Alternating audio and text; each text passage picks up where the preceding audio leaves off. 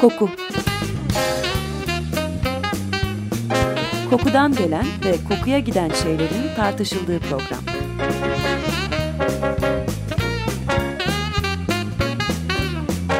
Hazırlayan ve sunan Vedat Ozan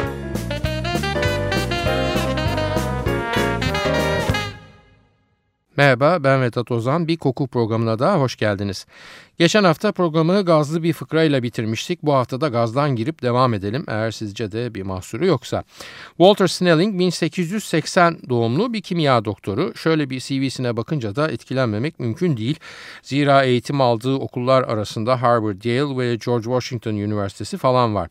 Uzmanlık alanı ise patlayıcılar. Hatta 1907 yılında bir su altı patlama düzeni icat ediyor bu muhterem ve onun icadı sayesinde de Amerika Birleşik Devletleri hükümeti hükümeti Panama kanalının inşası sırasında o zamanın parasıyla yılda 500 bin dolar tasarruf ediyor. 1908 yılında Pittsburgh, Pennsylvania'ya taşınıyor Dr. Snelling ve daha sonraları ABD Madenler Bürosu adını alacak olan iş yerini kuruyor. E adam hem doktora sahibi hem de kimya işlerinden anlıyor ya tabii başı sıkışan da bu nedenle ona başvuruyor.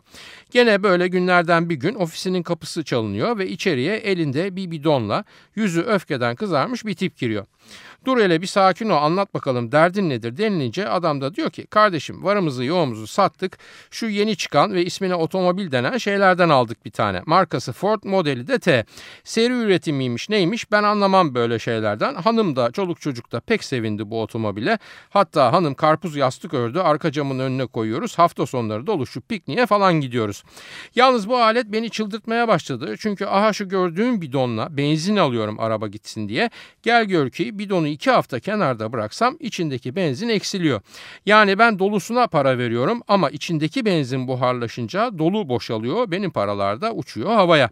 Kardeşim ben buna para yetiştiremem böyle giderse. Sen bu işlerden anlayan bir adammışsın. Aman derdime bir çare. Bak yengen de evde açılmış börek gönderdi sana. O da duymuş senin mucit şöhretini ve o da rica ediyor bu sorunumuzu çözmeni diyerek bir yana yarısı boş benzin bidonunu koyuyor. Masanın üstüne de gazete kağıdına sarılmış evde açılmış böreği bırakıveriyor. Adamın ofisi terk etmesinin ardından bizim Doktor Snelling önce masanın üzerindeki böreği bir güzel lüpleti veriyor. İki geğirip üç aksırdıktan sonra da başlıyor düşünmeye ve uğraşmaya. Eski bir su ısıtıcısının ısıtma bobinlerini ve bir kısım laboratuvar malzemesini de işin içine dahil ederek masasının yanına bırakılan bidondaki benzini sıvı ve gaz olmak üzere iki bölüme ayrıştırıyor. Tabi serde mucitlik de olunca öyle hemen bitmiyor bu işler ve Snelling şikayete gelen adamın derdini unutup benzinin içindeki sıvı ve gazın ayrışması olayına ciddi ciddi takı veriyor kafayı. Petrol içindeki gaz yani benzinin uçan kısmı eğer sıvıdan gaza dönüşmüşse Bunda bir iş var ve ben bu gazları tekrar sıvıya dönüştürebilmeliyim diye bir fikir geliyor aklına ve bu delice gibi gelen fikrini de bir güzel hayata geçiriveriyor. Uzun uğraşlardan sonra basınçlı bir saklama düzeneği kurarak petrolün gazının sıvı halde muhafaza edilebilmesini ancak kullanırken de tekrar gaza dönüşerek yakılabilmesinde muvaffak oluyor. Hatta kayınpederini de kafalıyor ve çiftliğinde bu icadını denemeye adamcağızı ikna ediyor. İki kafadar yani damat Walter Snell Snelling ve kayınpeder John Göring bir tesisatçı bulup bu basınçlı saklama kabındaki sıvılaştırılmış petrol gazı sistemini çiftliğe monte ettiriyorlar. Tabi o zamana kadar böyle bir iş yapılmadığı için bu monte etme işlemi de çabucak olamıyor ve tesisatçının bu işi tamam etmesi 28 saat sürüyor. Karşılığında da muhterem 11 dolar 20 senti cebe indiriyor. Allah bereket versin abi diyor. Kayınpeder yani çiftliğin sahibi John During de bu sayede bu gazı yakarak hem yemeklerini pişirmeye hem de aydınlanmasını sağlamaya başlıyor. Şimdi size anlatırken karışık gelmiş olabilir. Maddenin sıvı halden gaza, sonra tekrardan gazdan sıvıya, sonra tekrar sıvıdan gaza dönüşmesi falan ama aslında Dr. Snelling'in yaptığı tarihin ilk tüp gazını icat etmektir desem herhalde olayı basitleştirmiş olurum. Evet gerçekten de anlattığımın kısa özeti son cümlem gibi ve sıvılaştırılmış petrol gazının veya kısa adıyla LPG'nin evsel kullanımın başlangıcı aynen dediğim gibi gerçekleşiyor. Tabi olay sadece evsel bireysel kullanımla kalmıyor zaman içinde ve endüstriyel kullanımda bunu takip ediyor ama işlerin başlangıcında arabasına aldığı benzinin uçmasından şikayetçi olan bir adam var gerçekten.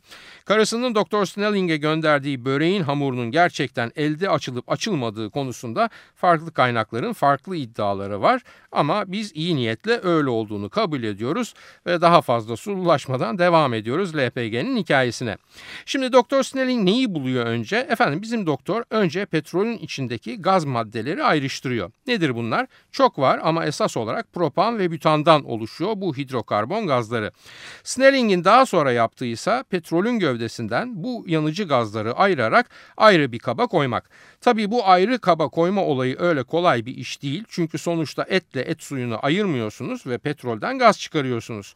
Ya ham petrolden elde ediliyor bu gazlar ya da petrolün topraktan çıkma anında salınan gaz bulutlarından. Yan ürün olması açısından ucuzluğuna ucuz.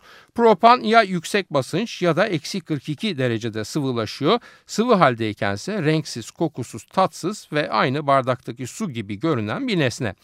Dedim ya basınç altındayken sıvılaşıyor diye kullanma sistemi de bu prensipten hareket ediyor. Yani evde, piknikte, arabada veya tesis enerjisi sağlamak üzere alınan o muhtelif ebattaki tüpler bu gazı basınç altında tutan dolayısıyla sıvılaşmasına sebep olan kaplar. Claro. Propan tüpü terk edip basınçtan kurtulduğunda ve normal sıcaklıkla karşılaştığında tekrar gaza dönüşüyor ve bizler de bu gazı yakıyoruz. Ya ben artık doğal gaz kullanıyorum falan demeyin lütfen. Hala inanılmaz kullanımı var bu tüp gazın. Öncelikle doğal gaza erişimi olmayan bölgelerde daha sonra sanayi tesislerinde, iş makinelerinde ve son moda olarak da araçlarda yakıt olarak deliler gibi tüp gaz yani sıvılaştırılmış petrol gazı kullanıyoruz. Hatta aerosol veya buzdolabı soğutmalarında da bazen kullanılıyor. Zira ozon tabakasına kloroflorokarbon gazlarından daha az zarar verdiği söyleniyor. Tüp gazlarımızın içi hiçbir zaman %100 dolu değil ve tüp kapasitesinin en fazla %80, %85'i dolduruluyor ki ısıya bağlı genleşmeye karşı bir tedbir olsun. Havadan ağır bir gaz bu yani yere çöküyor veya alçak bölgelere yani merdivenle inilen bir bodrumunuz falan varsa Allah muhafaza kaçak oldu mu önce oralara yayılıyor. En büyük avantajı kalorisinin yüksek olması yani yandığında ateşinin kömür ateşinden daha sıcak olması. Sadece kömür değil doğal gazdan da yüksek kalori değeri. Bir başka avantajı da miktar ve saklama kabı arasındaki ilişki. Çünkü sıvı halinden gaz haline döndüğünde yaklaşık 250 ile 270 kat artabiliyor kullanılabilecek miktar. Yani tüpünüzün içindeki sıvı gaz ocağınıza püsküren halinin 250 kat sıkıştırılmış hali.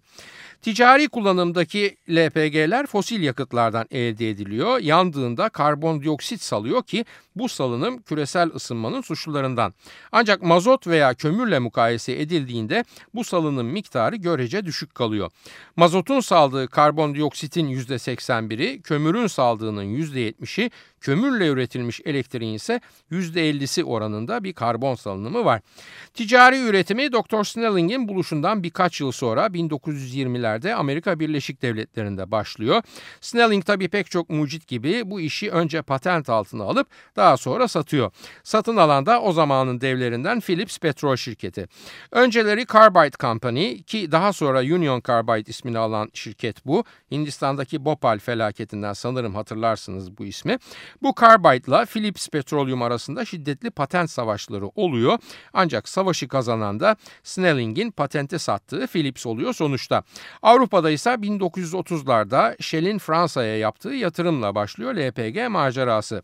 Daha sonra tabii ülke ülke saymaya gerek yok. Neredeyse bütün dünya ülkelerine yayılıyor ki biz de bunların içindeyiz haliyle. Önce ülkelerin kendi içlerinde başlıyor işin ticarileşmesi ancak bir aşamadan sonra iş uluslararası boyuta da taşınıyor tabii. Yani bir ülkeden diğerine satışı kastediyorum uluslararası ticareti derken. Bu uluslararası LPG ticaretinin başlangıcı da ilginç ve kısaca anlatayım müsaadeniz olursa. Efendim 1920 ve 1930'larda ülkeler arası seyahatte hava gemileri deniz ulaşımından sonra ikinci önemli ulaşım aracı. Yani bizim bildiğimiz ismiyle Zeppelinlerden bahsediyorum. Hem çabuk gidiyorlar hem de oldukça egzantrik bir seyahat imkanı sunuyor bu araçlar. Tarifeli seferleri falan var ve sürekli uçuş yapılan hatlar açılmış durumda. Oldukça yaygınlaşıyor kısa sürede kullanımları. Hatta bazı binalar bu hava gemilerinin yanaşabileceği şekilde dizayn edilmeye başlanıyor. Mesela meşhur Empire State binasının en yüksek kısımlarının farklı bir mimaride sivrilmesinin sebebi projelendirilirken bu gemiler için bir indirme bindirme yeri olarak düşünülmesi. Bu hava gemileri yakıt olarak bütan gazı kullanıyorlar. Bütan gazı kullanıldıkça onu muhafaza eden kapta boşalttığı yere hava doluyor ve nispeten önemli bir ağırlık değişimi olmadan gemi aynı yükseklikte seyredebiliyor. Bütandan önce helyum bulunamadığında da hidrojen gazı kullanılıyor gemilerde. Ancak bütan gazı daha ucuz olunca tabii bütün seyahat şirketleri bütana dönüyorlar. Dedim ya bunların sürekli uçuş yapan hatları var diye. Tabii yakıt ikmali sağlamak amacıyla bu hat boyunca gaz tankları da inşa ediliyor ki gemiler yakıt ikmalini yapıp yollarına devam edebilsinler.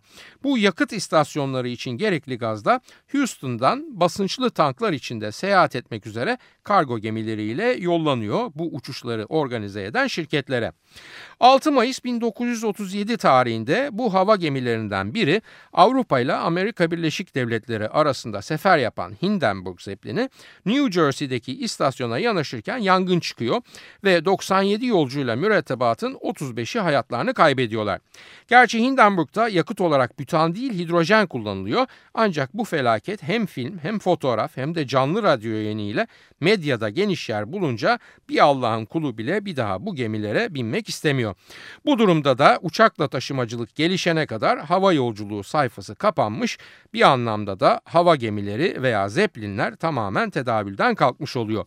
Binlerce yolcu uçurup milyonlarca kilometre kat ediyorlar ve yüzlerce de kıtalar arası sefer yapıyorlar. Ancak dediğim gibi bu son kazayla beraber ilk hava toplu taşımacılığı macerası da noktalanıyor.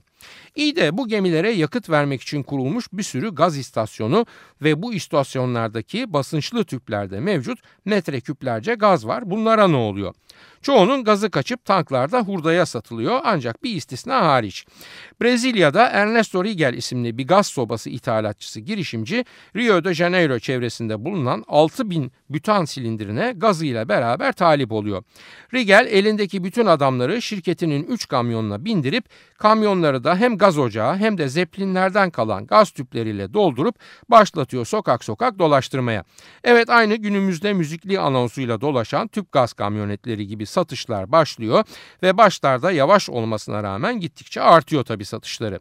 Satışlar iyice çoğalınca bu kez bir başka sorun baş gösteriyor. Çünkü Rigel'in elindeki o ucuza kapattığı zeplin artığı yakıt bitiyor ve mecburen yeni mal alması lazım satmak için.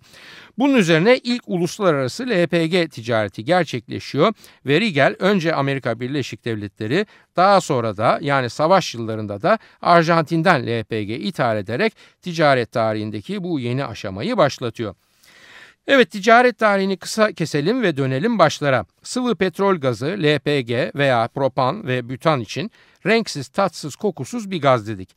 Ama aynı zamanda da yanıcılık kuvveti en fazla yakıtlardan biri de dedik. Peki bu gaz kaçak yaptığı zaman elle tutulmaz, gözle görülmez nasıl anlayacak insanlar da tedbir alacaklar? Yani gazın tübün içinde değil de olmaması gereken yerde olduğunu nasıl fark edecekler? Tabii kokusuyla fark edecekler ama biz önce kısa bir kahve molası verelim hep beraber ve sıvılaştırılmış petrol gazının kokusuna da sonra devam edelim. Zaz yani Isabelle Geoffroy'dan dinliyoruz Le Passant. C'est écrit dans un dessin animé.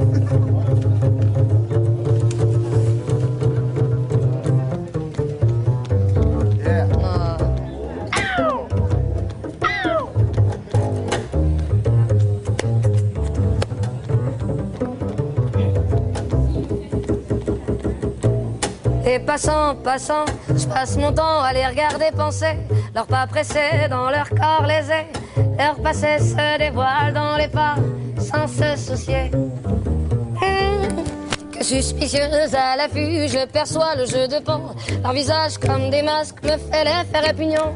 Que faire semblant, c'est dans l'air du temps. Passe, passe, passera, la dernière restera. Passe, passe, passera, la dernière restera. Un, un. Eh.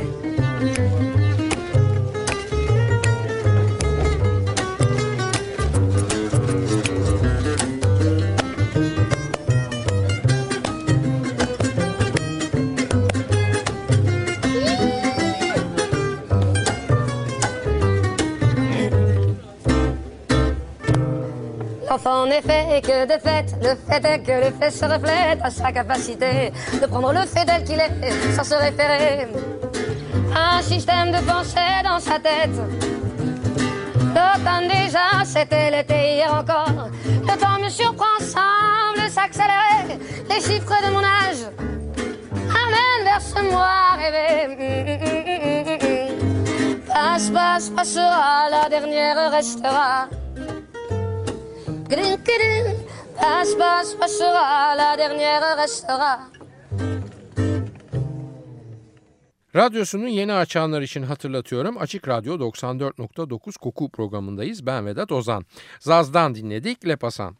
Propanın rengi tadı kokusu yok dedik. Nasıl farkına varırız gaz kaçarsa tüp gazdan diye sorduk. E bizim koku duyumuz ne güne duruyor değil mi?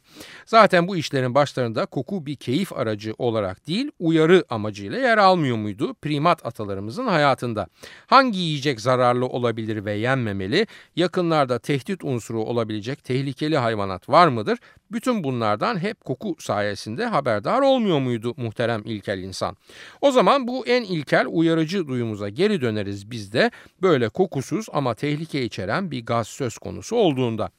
Bu nedenle efendim herhangi bir gaz kaçağı durumuna önlem olması ve tüketici veya kullanıcı tarafından ortamda olmaması gereken gazın fark edilebilmesi için içine tiyol veya etil merkaptan ilave ediliyor. Yani gaz kokusu aslında gazın kendisinde yok. Bizler sonradan iliştiriyoruz o kokuyu oraya güvenlik nedeniyle. Etil merkaptan örneğinden gideceğim bugün. Bizde hangi firma nasıl kokulandırma yapıyor onu bilemiyorum ama genelde kullanılan malzeme bu olduğu için buradan devam ediyorum. Tabii hoş bir koku değil gaz kokulandırmada kullanılan kokular. Zaten hoş olmamaları da gerekiyor ki bizim olumsuz kokulara karşı daha uyanık olma algımızı tetikleyebilsin. Guinness Rekorlar kitabı etil merkaptan için bilindik en kokulu maddelerden biri diyor. Yanlış değil ancak eksik bir bilgi. Zira en az etil merkaptan kadar güçlü berbat kokan başka moleküller de mevcut kullanımda. Kokarca ile çürük et karışımı diye tarif ediliyor koku profili etil merkaptanın. Gene her ülkenin kendi standardı var elbette ama mesela Amerika Birleşik Devletleri'nde üreticilere dayatılan şöyle bir kural var. Koku gaza öyle bir miktarda konulmalı ki kaçak herhangi bir patlamaya sebep olacak seviyenin beşte birine ulaştığında kullanıcı bundan haberdar olabilmeli. 100 bin litreye yaklaşık 1 kilo kokulu madde yani odoran konması demek bu. Bazı dolum şirketleri bununla da yetinmeyip önerilen miktarın %50 fazlası oranında ek koku da koyabiliyorlar dolum esnasında tüplere konan gaza. İyi ve hoş bu şekilde eğer tüpümüzde gaz kaçağı varsa anlayacağınız gaz sızmış bir odada kibrit çakmayacağız falan. Ama gelin görün ki işin kokuyla ilgili yönü o kadar da basit değil. Neden değil? Çünkü bu tip standartlar gaza katılan kokulu madde miktarını katılma işlemi sırasında düzenliyor.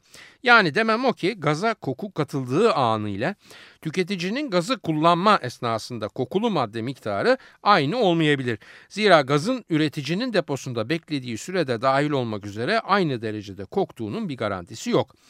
Depodaki propanın kimyasal yapısının aynı kaldığını biliyoruz. Ancak bekleme süresince etil merkaptanın kimyasal bir reaksiyona girerek değişime uğrama olasılığı var. Ne olabiliyor ve hatta olabilir değil de oluyor. Bazı talihsiz koşullar altında etil merkaptanın iki molekülü birleşip dietil disülfit oluşturabiliyorlar. Ne zararı var? Şu zararı var. Dietil disülfitin kokusu etil merkaptanla mukayese edilmeyecek kadar zayıf. Peki bu risk hangi koşullarda gerçekleşiyor? Kimyasal oksidasyon bu anlattığım ve eğer depolama tankında paslanma varsa ve deponun veya tankın düzenli bakımı aksamışsa pastaki demir oksitler böyle bir reaksiyonu hızlandırabiliyorlar. Bu durum sadece çelik tanklar için geçerli ve tanktaki pas sadece hızlandırabiliyor. Yani pası yok etmek sorunu ortadan kaldırmıyor ancak kokulu gazın bir nevi şekil değiştirmesini yavaşlatabiliyor. Zira her halükarda çelik bir tank varsa böyle bir reaksiyon çok kuvvetli muhtemel. Çözüm depolama tanklarının çelik değil alüminyumdan üretilmesi. 1987 yılında yapılan bir çalışmada kontrollü ortamda doldurulan paslanmaz çelik propan tankının kokusunda 5 ile 7 günlük bir bekleme sonucunda fark edilebilir azalma meydana geldiği gözlemlenmiş.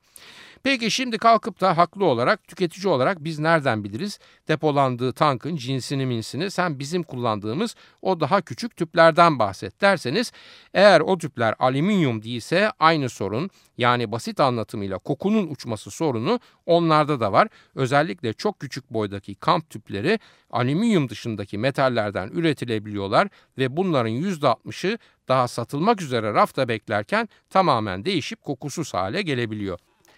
Gelelim bir başka soruna. Etil merkaptan yani kokulu madde ile propanın kaynama dereceleri farklı. Bu ne demek? Etil merkaptan propandan daha az uçucu yani daha geç uçar demek. Yani bir dolum tankından tüpe dolum yapılırken ilk dolan tüpler hep daha az kokulu olacak. Zira esas kokulu madde ilk başlarda değil daha sonraları devreye girecek. Bir başka deyişle iki farklı kaynama noktası bizi homojen bir koku profilinden uzaklaştırıyor ve aynı tanktan ilk dolan tüple son dolan tüpün kokusu arasında dağlar kadar koku kuvveti farkı olabiliyor. E o zaman daha çok etil merkaptan yani kokulu madde koyalım. İlk dolan daha fazla koksun, son dolan da daha daha daha daha fazla koksun dediğinizde de olmuyor.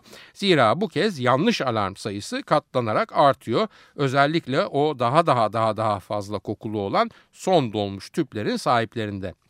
Bir başka olası sorun da emilim. Emilinden kastım gazın katı bir maddenin gözenekleri içine emilerek ortamdan silinmesi veya daha doğrusu yer değiştirmesi. Aynı süngere emilen su gibi yani. Bir dolum tankında veya tüpte elbette bu söz konusu değil çünkü kullanılan metal gözenekli malzeme değil. Ama gazın beton tarafından kuvvetle emilebildiğini unutmamak lazım. Yapılan bir laboratuvar çalışmasında plastik duvarlı bir deney odasına hava, propan ve etil merkaptan karışımı veriliyor. Aynı karışım aynı odaya ancak bu kez o plastik deney odasının ortasına bir beton kütle yerleştirilerek tekrar ediliyor. Beton yerleştirilmiş deneyde 6 saat sonra odanın içinde hiçbir şekilde etil merkaptan kokusu alınamıyor.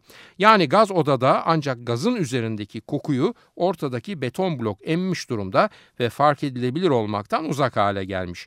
Bu ne demek? Yeterince kokulandırılmış olsa bile beton duvarlarla çevrili bir yerde uzun süreli bir gaz kaçağı olduysa ve siz birkaç saat sonra o ortama girerseniz gazı fark etmekte aciz kalabilirsiniz. Bu üç sorun LPG ve koku maddesi özelinde sorunlardı. LPG'nin dışına çıkarak genel koku sorunlarını buraya yönlendirip biraz daha endişelemez miyiz? Maksat endişelenmek olsun. Siz isteyin ben sizi endişelendireyim efendim. Öncelikle koku duyumuz kişiden kişiye değişkenlik gösterir. Kimimiz çok hassas olabiliriz. Kimimiz ise duyarlılığı çok daha zayıf olabilir kokulara karşı. Azalmış koku duyarlılığı sonradan da oluşabilir bildiğiniz gibi ve bunun nedenleri de vasat bir soğuk algınlığından önemsenmemiş bir kafa çarpmasına, multiple sklerosisten Alzheimer'a kadar çeşitlilik ve ciddiyet içerebilir.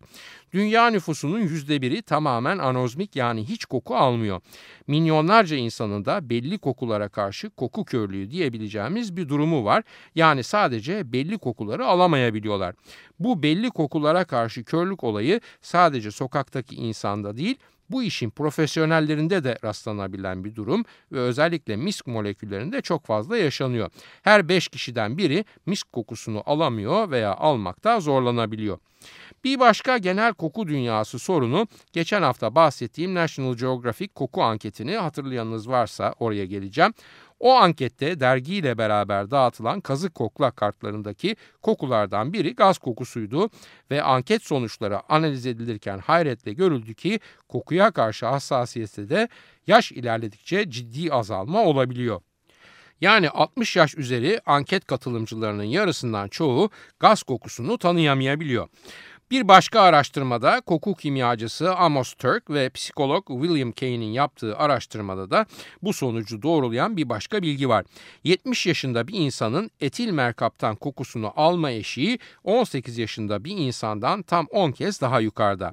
Yani 70'lik birisi kokuyu alabilmek için etil merkaptanı 10 kat daha yoğun koklamalı ki 18 yaşında bir gencin algıl seviyesine eşitlenebilsin. Yani yanisi şu eğer yaş ilerlemişse tüp gazın kaçak uyarısını alma şansı son derece düşük. Allah'tan bizde daha yaşlılar tek yaşama olayına pek girmiş değiller ve ya aile yanında ya illa bir bakan veya göz kulak olan birinin eşliğinde sürdürüyorlar hayatlarını.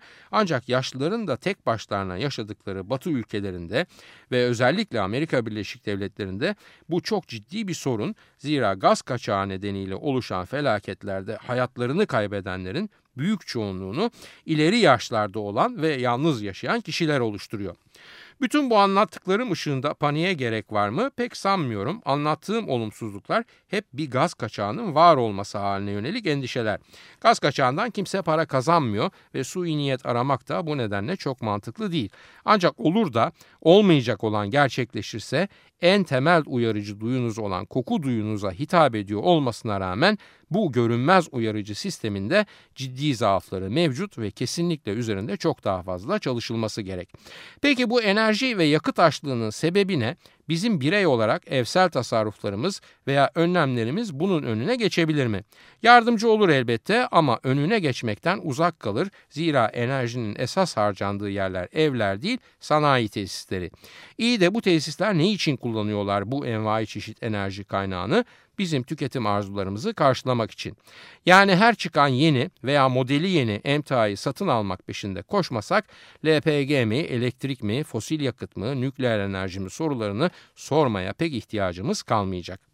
Haftaya bir başka kokuda buluşmak üzere soru, öneri, eleştirileriniz için e-posta adresimizi hatırlatıyorum efendim. kokuprogrami.yahoo.com Yayınlarımızda adı geçen konulara ilişkin görselleri mesela Hindenburg Zeppelin'in Feci Sonu'nun meşhur haber filmini az sonra facebook.com Taksim Vedat Ozan Koku adresinde de görebilir. Yorum ve sorularınızı oraya da yazabilirsiniz. Ben Vedat Ozan, radyonuz kokusuz kalmasın sevgilerimle.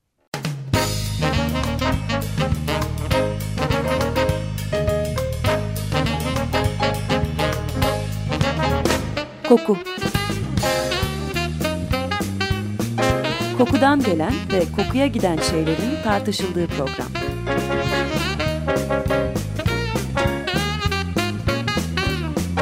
Hazırlayan ve sunan Vedat Ozan